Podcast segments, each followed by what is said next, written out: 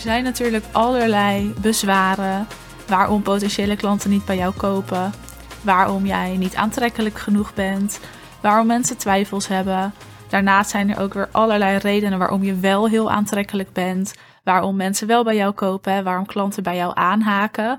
Dus er zijn twee kanten. Daarnaast zijn er duizenden pijnpunten te noemen, duizenden verlangens te noemen. Die kan je allemaal koppelen aan elkaar.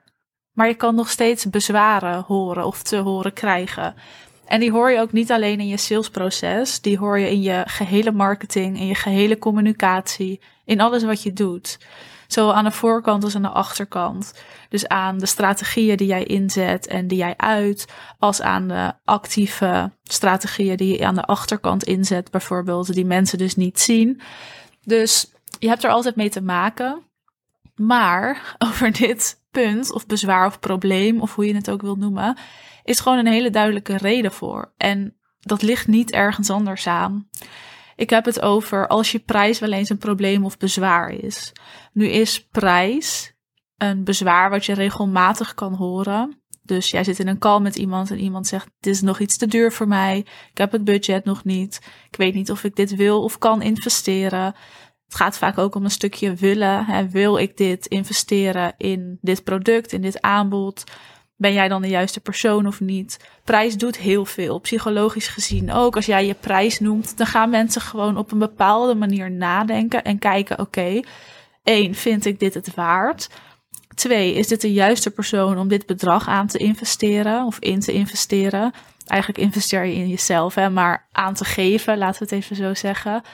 En dan gaat het emotionele proces, het salesproces, in iemands brein starten. Dus prijs doet daarin heel veel. Heel veel mensen krijgen dan ook bezwaren op hun prijs of afwijzingen op hun prijs. Waar je naartoe wil bewegen en waar je naartoe wil werken, is dat dat niet meer gebeurt. En dat gebeurt niet meer als je een aantal dingen voor elkaar hebt. En er zijn dus ook een aantal ondernemers die bijna nooit meer bezwaren krijgen op hun prijs. Die hebben dus een aantal dingen goed neergezet in dat proces, in die strategie. Die zijn goed bezig op dat vlak. Als je prijs wel eens een probleem of bezwaar is, dan zijn er maar twee dingen mogelijk en niet meer dan dat. Dus nee, het ligt absoluut niet aan hoe je website eruit ziet, aan welke branding of kleuren je gebruikt. Het ligt ook niet aan hoeveel uur per week jij werkt of dat je te weinig tijd hebt om sales te doen. Het ligt ook niet aan hoe je aanbod nu in elkaar zit of hoe je dat communiceert.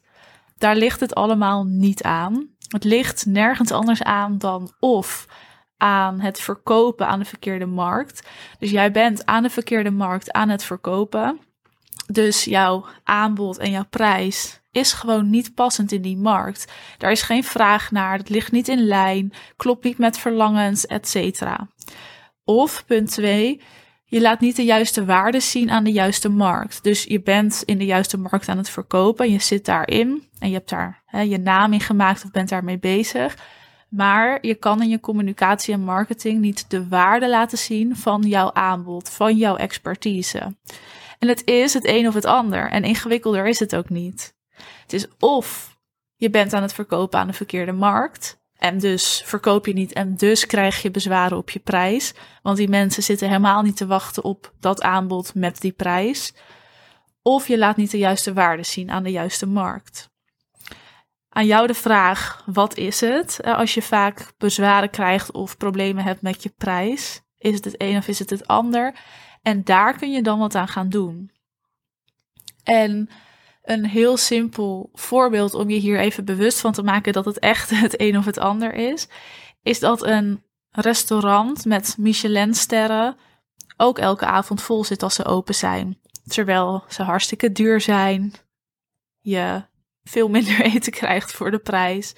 De kwaliteit is goed. Maar wat hebben zij gedaan? Ze begeven zich in de juiste markt.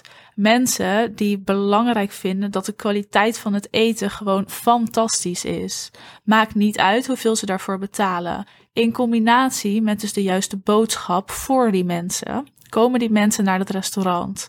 Hetzelfde geldt als luxe 5-sterren resorts, waar dan ook ter wereld. Die zijn hartstikke duur, hartstikke prijzig, Maar waarom zitten die vol? Omdat zij de juiste markt bedienen met de juiste boodschap en positionering.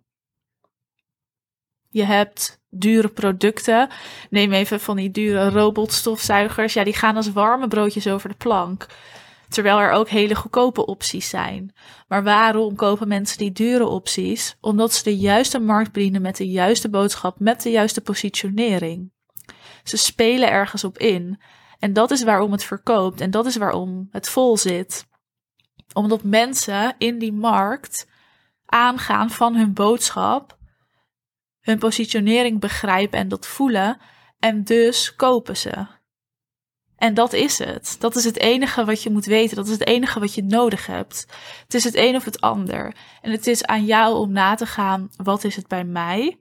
En dan, hoe ga ik dit verbeteren? En elke ondernemer heeft hier wel een keer mee te maken.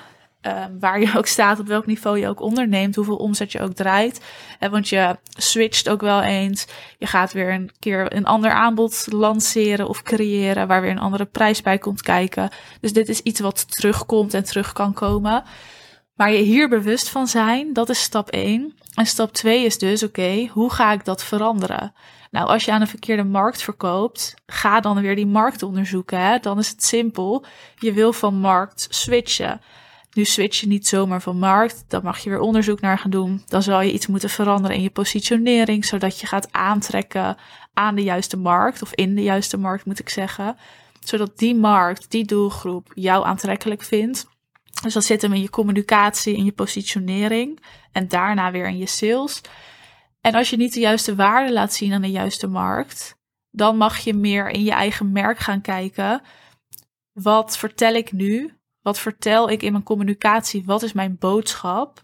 En dat wil je dan gaan aanpassen, zodat jouw markt, waar je al in zit, de waarde gaat inzien.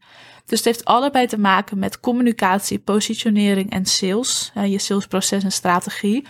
Alleen moet je hem net even ergens anders in zoeken. Maar stap 1, als je hier bezwaren over krijgt, wat is het? Is het het een of is het het ander? En wat ga jij daaraan doen? Want nogmaals, die restaurants, die luxe resorts, die robotstofzuigers, ja, die verkopen allemaal. Dat is niet omdat ze de goedkoopste zijn, want er zijn heel veel andere goedkopere opties. Maar mensen kopen toch bij hen omdat ze de juiste markt bedienen met de juiste boodschap, met de juiste positionering. En dat gewoon super aantrekkelijk is. Dus wil jij dat ook, dan zul je die ingrediënten moeten gaan pakken en gaan verzamelen bij elkaar. En dat gaan inzetten in je communicatie en strategie. Zodat je hier steeds minder en uiteindelijk geen bezwaar meer op krijgt. Denk jij, leuk Mies, maar hoe ga ik hiermee starten? Dan ben je altijd welkom om even een call bij me in te plannen. Dan gaan we het daarover hebben. Überhaupt over jouw bedrijf. Waar wil je naartoe en hoe gaan we dat realiseren? Onder andere in zes maanden mochten we dan gaan samenwerken. Maar laten we eerst gewoon eens kletsen hierover. Wat is er mogelijk? Wat zie ik voor jou? En dan komt de rest later wel. Maar dit is echt key om gewoon succesvoller je omzet te kunnen draaien, om dat moeitelozer te kunnen doen. En dus op die manier te kunnen blijven groeien en je te kunnen blijven ontwikkelen. Want pas daarna ontstaat er speelruimte. Je bent van harte welkom even die call bij me in te plannen. Dan gaan we het daarover hebben. Het is ook een hele concrete call waarin we ook echt gaan kijken wat kan jij ook op korte termijn zelf al doen. Dus je bent van harte welkom. Ik zet een linkje in de beschrijving en dan hoor je mij een volgende aflevering.